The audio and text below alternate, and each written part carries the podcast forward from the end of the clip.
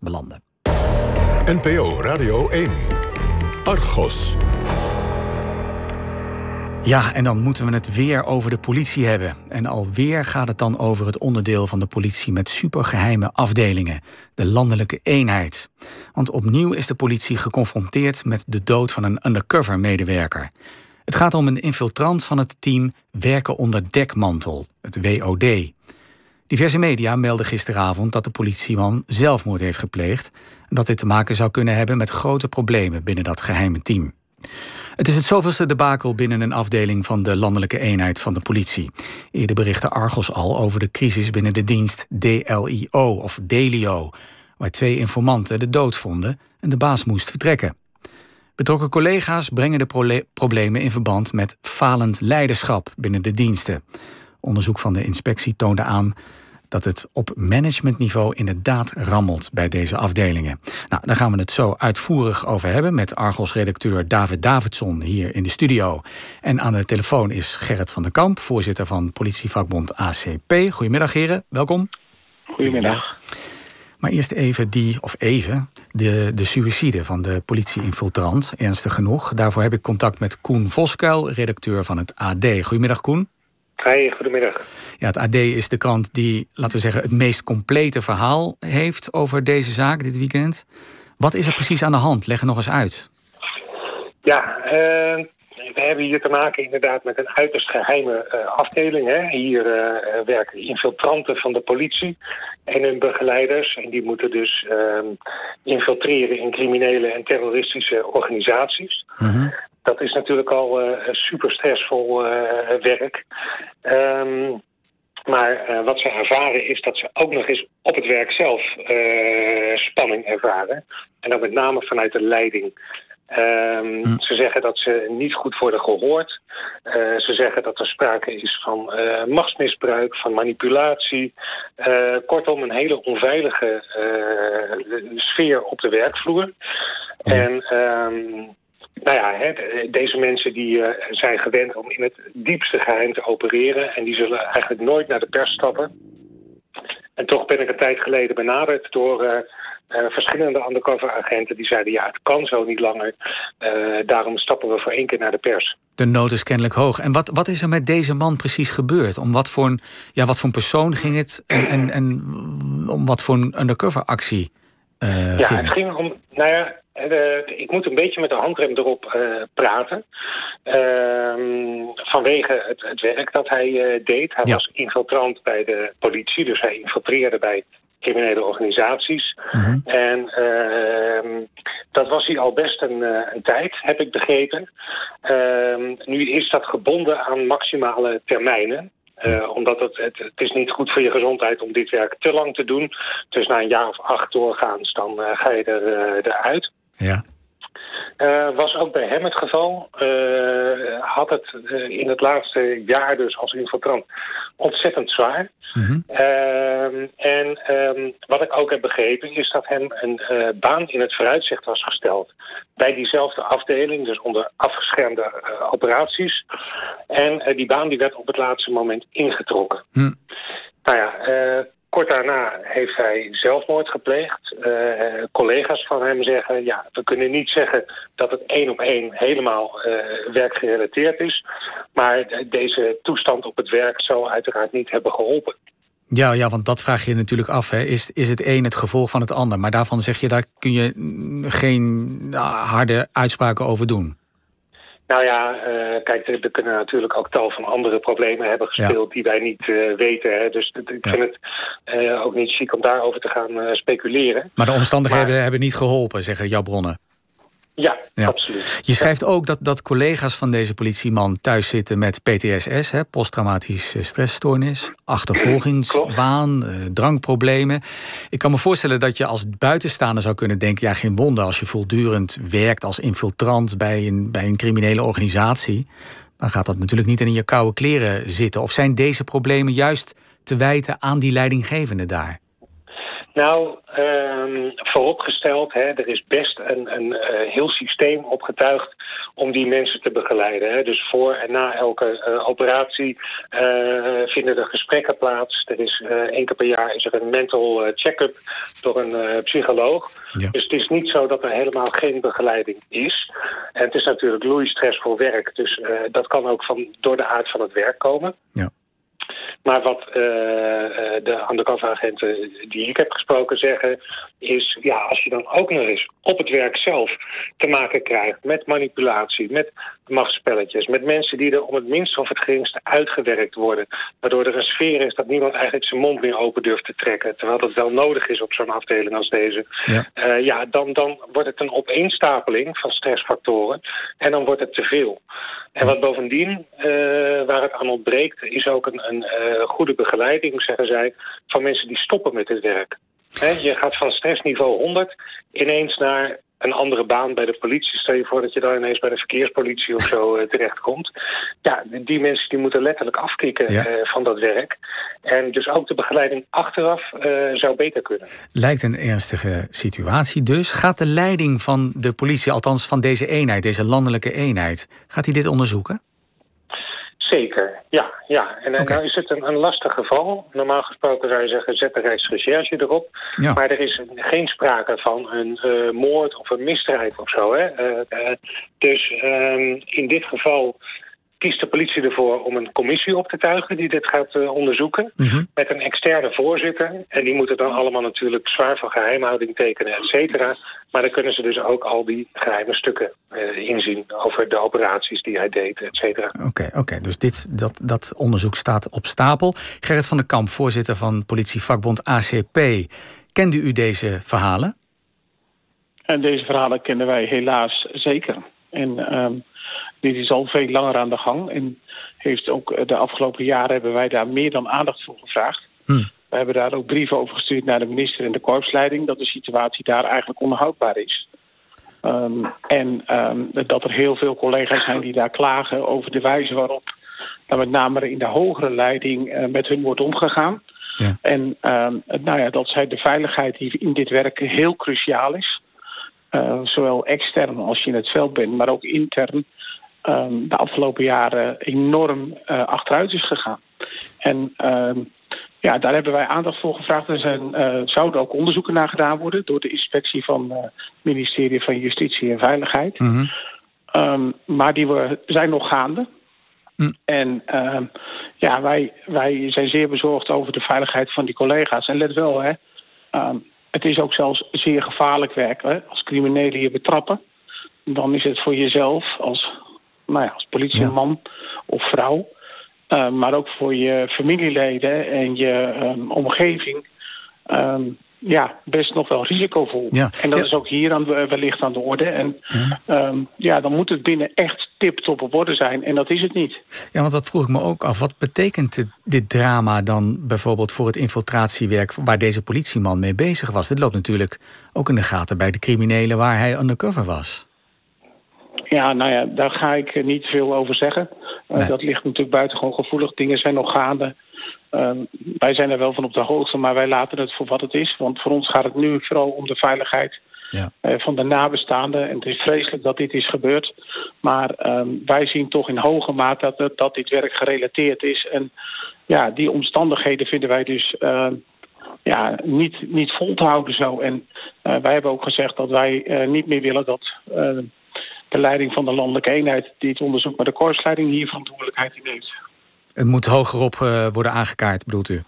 Chef. Ja, dat vinden wij zeker. Want uh, als wij kijken naar de problemen binnen die dienst... en ook de DLIO, die net al is genoemd... Ja. dan uh, is voor ons de grens wel bereikt. Wij zien dat dit probleem um, al jaren en jaren en jaren voortduurt. Dat er veel zelf wordt onderzocht. Ja. En dat dat zelfonderzoek zelden leidt tot... Um, tot consequenties bij degene die daar de eindverantwoordelijkheid voor hebben. En wij zien wel dat uh, de eerste laagleidinggevende is vervangen. Dat is hier ook gebeurd. En, nou ja, die collega's zien wij best dat die hun best doen. Maar het probleem zit gewoon hoger op in de organisatie. En de manier waarop deze dienst is neergezet en hoe de veiligheid van de collega's is geborgd. Ja, heeft dit ook gevolgen voor de reputatie, zeg maar even, van de Nederlandse uh, ja, undercover agenten in het buitenland? Want ik las bijvoorbeeld in het verhaal van Koen Voskuil dat dit bijvoorbeeld dat al dit gedoe ook al ertoe heeft geleid dat een belangrijke operatie in het buitenland moest worden stopgezet. Ja, ik denk dat uh, tot en met nou, net na de vorming van de nationale politie deze dienst een enorm hoge en grote reputatie had, ook in het buitenland. Uh, ik denk dat de heer Voskuil uh, nou ja, dat terecht optekent. Hiervoor is trouwens ook al gewaarschuwd in eerdere onderzoeken en rapporten. Hm. Waaruit bleek dat die reputatie uh, voor de politie, maar ook dus het vertrouwen wat je van andere landen en andere politiediensten nodig hebt, achteruit holt. En dus ja. Ja, je verliest effectiviteit. En als je door je collega's onvoldoende vertrouwd wordt, dan wordt informatie niet of minder gedeeld. En dan raak je eigenlijk op achterstand. En ja, wij hebben uh, dat als politiebond, mijn collega uh, van de Nederlandse politiebond, die heeft daar ook uh, heel veel in gedaan de afgelopen periode met ons samen. Mm -hmm. daarvoor gewaarschuwd, op gewezen. Maar wij zien dat er eigenlijk gewoon geen stappen worden gezet. Terwijl het nu toch wel echt hard nodig is om hier opnieuw ja. stappen te zetten. Maar als er geen aandacht voor is, is het dan niet um, tijd om voor de vakbonden althans, om ook een stapje hoger uh, te klimmen en bij de minister aan te kloppen? Nou ja, wij, wat ik al zei, ongeveer 2,5 jaar geleden hebben wij uh, de vraagstuk al aangekaart uh, bij minister Grapperhaus. Die mm. was toen zeer adequaat en zei, we gaan het laten onderzoeken. Ja. Um, nou ja, er is in die tussentijd best veel gebeurd. Het eerste onderzoek is wel afgerond, maar er volgen er nog twee.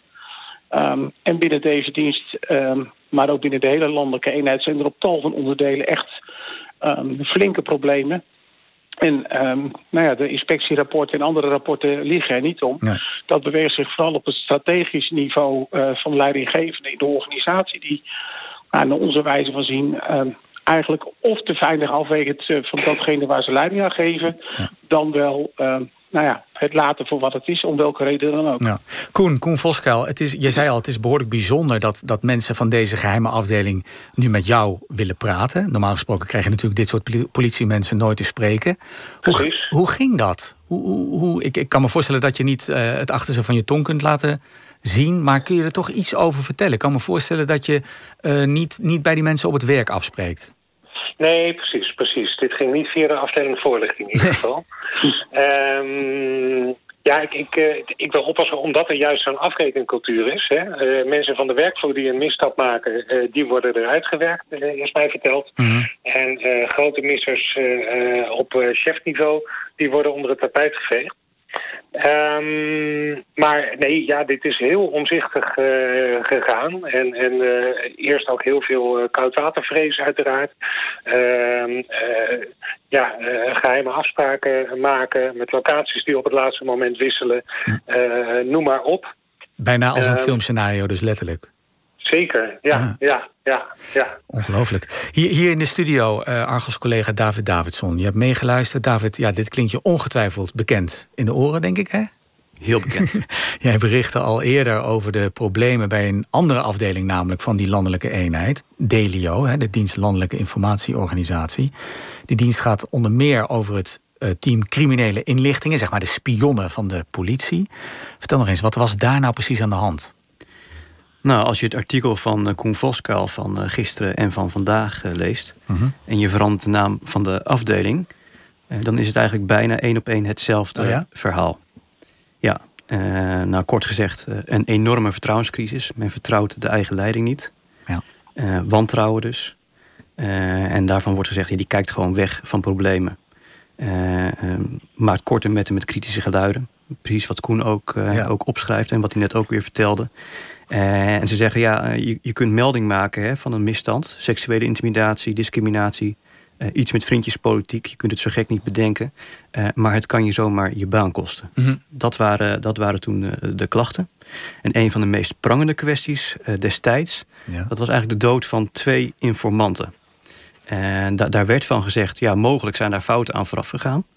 die mensen zijn ontdekt en die zijn omgebracht. Dat zijn mensen die uh, voor de politie in criminele netwerken opereren en informatie toespelen. Hè, ja, het is anders dan een infiltrant. Uh, een informant is geen politieagent. Dat is eigenlijk het grote, ja. het grote verschil. Ja, ja. Uh, er is een intern onderzoek naar geweest. Uh, maar het heeft eigenlijk de zorgen nooit helemaal, uh, helemaal weggenomen. En dat is een bron van wantrouwen gebleven in die tijd. Ja, ja. ja, en een van die doden die destijds viel... dat was een criminele informant, genaamd Freddy Jansen. Ik noem die naam omdat Koen Voskuil nadat Argos daarover berichtte. Koen, ja, jij hebt voor het AD die zaak verder uitgezocht.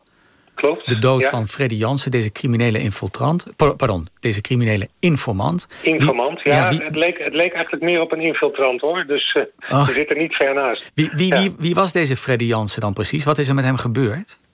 Ja, het was iemand die in het criminele uh, circuit uh, zat. En juist in de sectoren waar de politie een grote informatiebehoefte had. Dus hij verkeerde in kringen van uh, woonwagenkampen, van um, criminele motorbendes, et cetera. Mm.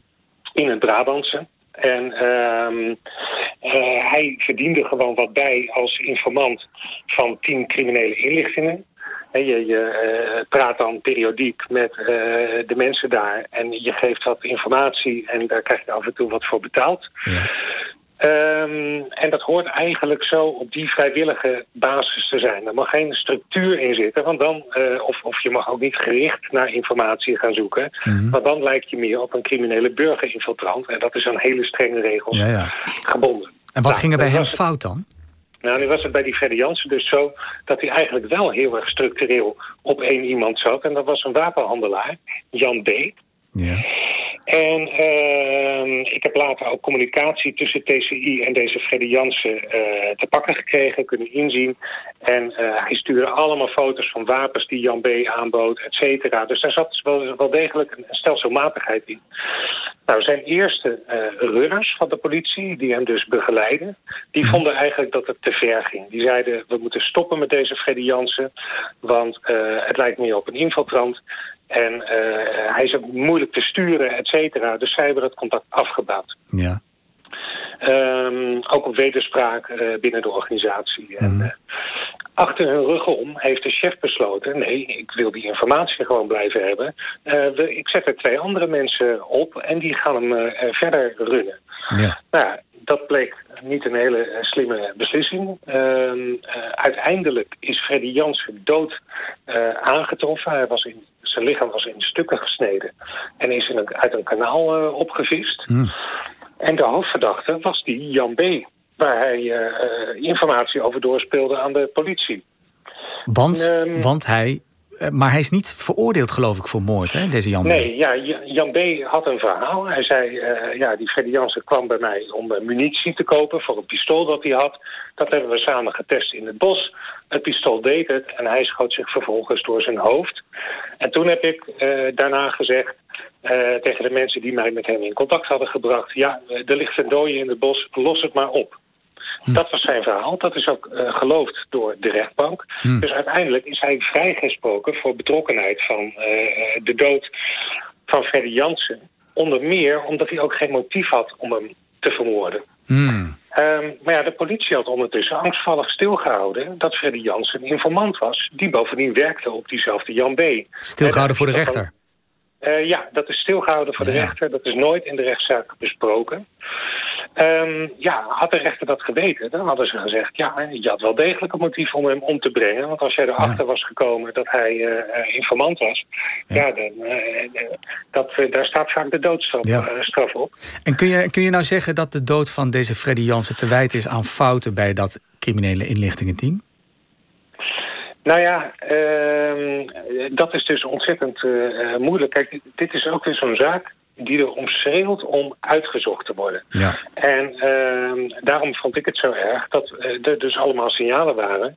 dat de politie deze zaak juist heeft toegedekt. Hè, na de dood van Freddy Jansen uh, was men in paniek bij TCI. Uh, en lijkt het erop dat men sporen is gaan uitwissen van het contact met Freddy Jansen. En er waren inmiddels twee kritische rapporten over uh, informant Freddy Jansen. En, en dat er toch mee was doorgegaan. Die rapporten die zijn verdwenen.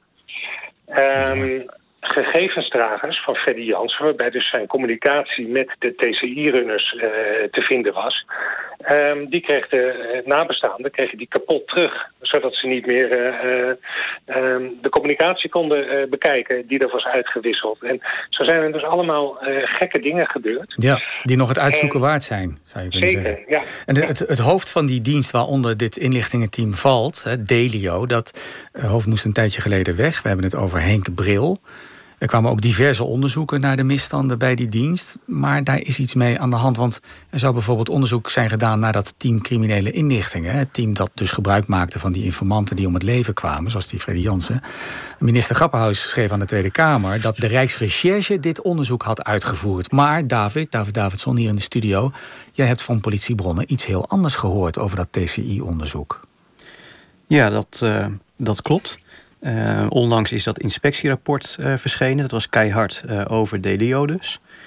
in dat rapport heeft gestaan dat de Rijksrecherche...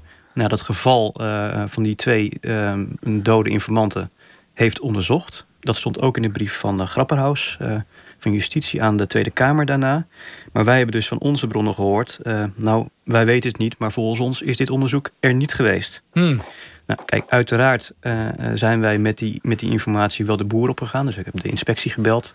Die zeiden, je moet de Rijksrecherche hebben. Nou, bij de Rijksrecherche hebben we uh, wat mailverkeer gehad. eerst wilden ze helemaal niet antwoorden. Zeggen, ja, nee, dat is allemaal geheim. En toen heb ik gezegd, nou ja, kijk... Je kunt wel zeggen dat, het, dat de inhoud van het onderzoek geheim is... maar ik kan toch wel vragen van of het onderzoek wat jullie melden... daadwerkelijk heeft ja. plaatsgevonden. want wij, wij hebben gewoon andere geluiden. Nou, uiteindelijk is daar ja, eigenlijk een beetje een vaag antwoord op gekomen. Uh, ze zeggen nu, uh, uh, er is geen strafrechtelijk onderzoek geweest. Hm. er was sprake van collegiale toetsing. Nou, ik heb nog wel gevraagd, oké, wat is het dan precies ja. geweest? Nou, dat blijft onduidelijk. Dus of dit nou is uitgezocht, mijn gevoel zegt van niet. Nee, nee. Deze week ontdekte je ook nog dat er meer aan de hand was... met die toenmalige baas van Delio, Henk Bril. Want in één ding was hij in ieder geval erg, erg goed... namelijk dienstreizen maken in de business class... Met goedkeuring van de leiding van die landelijke eenheid. Reisjes. Ja, nou kijk, dit is nou typisch zoiets wat we net al hoorden. Hè. Iets, iets in de leiding. Uh, wat niet goed gaat. In dit geval werd, er, er, gewoon heel veel geld uitgegeven aan business class uh, reizen. Gelden best wel strikte regels voor. Dat kan niet zomaar altijd. Nou, de verhalen hierover die waren eigenlijk al anderhalf jaar geleden. Van nou, uh, volgens ons is het niet allemaal in de haak. Nou, dat hebben we uitgezocht met een WOP-verzoek. Blijkt dus inderdaad heel veel geld uitgegeven. en, maar ook hier zegt men van nou, we hebben hier naar gekeken. Hè. Ons, onze afdeling integriteit heeft dit, heeft dit onder de loep genomen. Maar er is niets onrechtmatigs gebeurd. Maar wat ze wel zeggen is van ja, uh, de, de regels hiervoor ja, die zijn misschien uh, anders geïnterpreteerd uh, dan, dan had gemoeten. Hmm. En nou ja, goed, wat je hier dus ook weer ziet, is dat de werkvloer kijkt naar die top. Hè. In, in de top doen ze iets wat op de werkvloer niet mag, maar de top komt er wel mee weg. En dat is dan het gevoel wat, ja, wat blijft hangen. Daar komt die vrevel vandaan. Daar komt die vrevel inderdaad vandaan. Ja. Mag ik hier nog een toevoeging op doen? Gerrit van den Kamp, ja, ik wilde net naar u toe gaan, maar vertel. Nou ja, uh, eerst nog even terug naar TCI. Uh, wat er net gezegd is over die onderzoeken. Deze geluiden kennen wij ook. Ah. Uh, wij hebben zelfs collega's gehad die zeiden van... er wordt gezegd dat er een onderzoek is gedaan. Maar wij weten van niks. Want wij zijn degene geweest die daar ook een links en rechts bemoeienis mee hebben gehad. En die zijn helemaal door niemand gehoord. dus u en, zegt ook dat Rijksrechercheonderzoek... dat is helemaal niet geweest? Het is, uh, ligt in lijn zoals het nu lijkt met uh, wat er gezegd werd zojuist. Ja. En wat wij uh, hebben besloten, um, ongeveer anderhalve week geleden met mijn collega, is dat wij een brief aan de baas van het Openbaar Ministerie hebben gestuurd. Dat wij ons hier zorgen over maken en aandringen op een onderzoek. want kennelijk is het daar niet geweest. Bij het en, college van procureurs-generaal? Dat is correct. Hm. Want als wij zelf ook, ook als voormalig politiemensen beschikken over informatie uh, dat er misschien toch iets heel anders aan de hand is... dan vinden wij dat we dat daar neer moeten leggen. En dat hebben we dus ook gedaan, want het is ernstig genoeg als dat zo is. En wij willen dus echt dat dit dan goed wordt onderzocht. Want ja. uh, kennelijk is het uh, anders gegaan als dat gemeld is of verklaard is. Um, nou ja, en wij zijn ook benieuwd wat de komende week de uitkomst is... van het nader onderzoek van de inspectie... Uh, want dat hebben ze gedaan naar aanleiding van het Kamerdebat. En ja. Uh, ja, dan moet deze week duidelijk worden wat daar de uitkomst van is. Dan gaan we daarop op, uh, wachten. Koen, tot slot, ik neem aan dat je nog even doorgaat met dit verhaal. Of is hiermee alles uitgezocht? Nou, dat niet. Um, Ja, het, wordt bijna soms hè, dat je gaat denken, uh, alweer de landelijke eenheid. Het lijkt wel alsof die journalisten het er allemaal uh, om doen. Maar het zijn echt gewoon belangrijke misstanden. En uh, ja, ze blijven maar komen. Ehm, dus ehm, morgen weer aan de slag. We blijven er allemaal induiken. ja. ja. Mag ik jullie heel hartelijk danken voor dit gesprek over de landelijke eenheid van de politie. Er valt daar veel te verbeteren, dat is wel duidelijk. Journalist Koen Voskuil van het AD, voorzitter Gerrit van den Kamp van politievakbond ACP en hier in de studio Argos-redacteur David Davidson. Wat er allemaal speelt binnen de politie kunt u ook nog eens nalezen op onze site argosonderzoekt.nl. En als u daar toch bent, lees dan ook het verhaal over hydro hydroxychloroquine. U weet wel, dat zogenaamde wondermiddel tegen corona... waar sommige politici aan het begin van de crisis veel te enthousiast over waren... maar dat helemaal niet bleek te werken. De collega's van Argos Medialogica onderzochten het gedoe rond het malaria-medicijn... en kwamen erachter dat de Nederlandse staat 2 miljoen van deze niet werkende pillen heeft ingekocht. En hoe die hydroxychloroquine in de beeldvorming tot wondermiddel werd gebombardeerd, dat ziet u morgenavond in de tv-uitzending van Argos Mediologica. Die begint om 5 over 10 op NPO 2. Dadelijk op deze zender goed in gelichte kring. En wij zijn er volgende week weer. Ik wens u een fijn weekend en graag tot volgende week.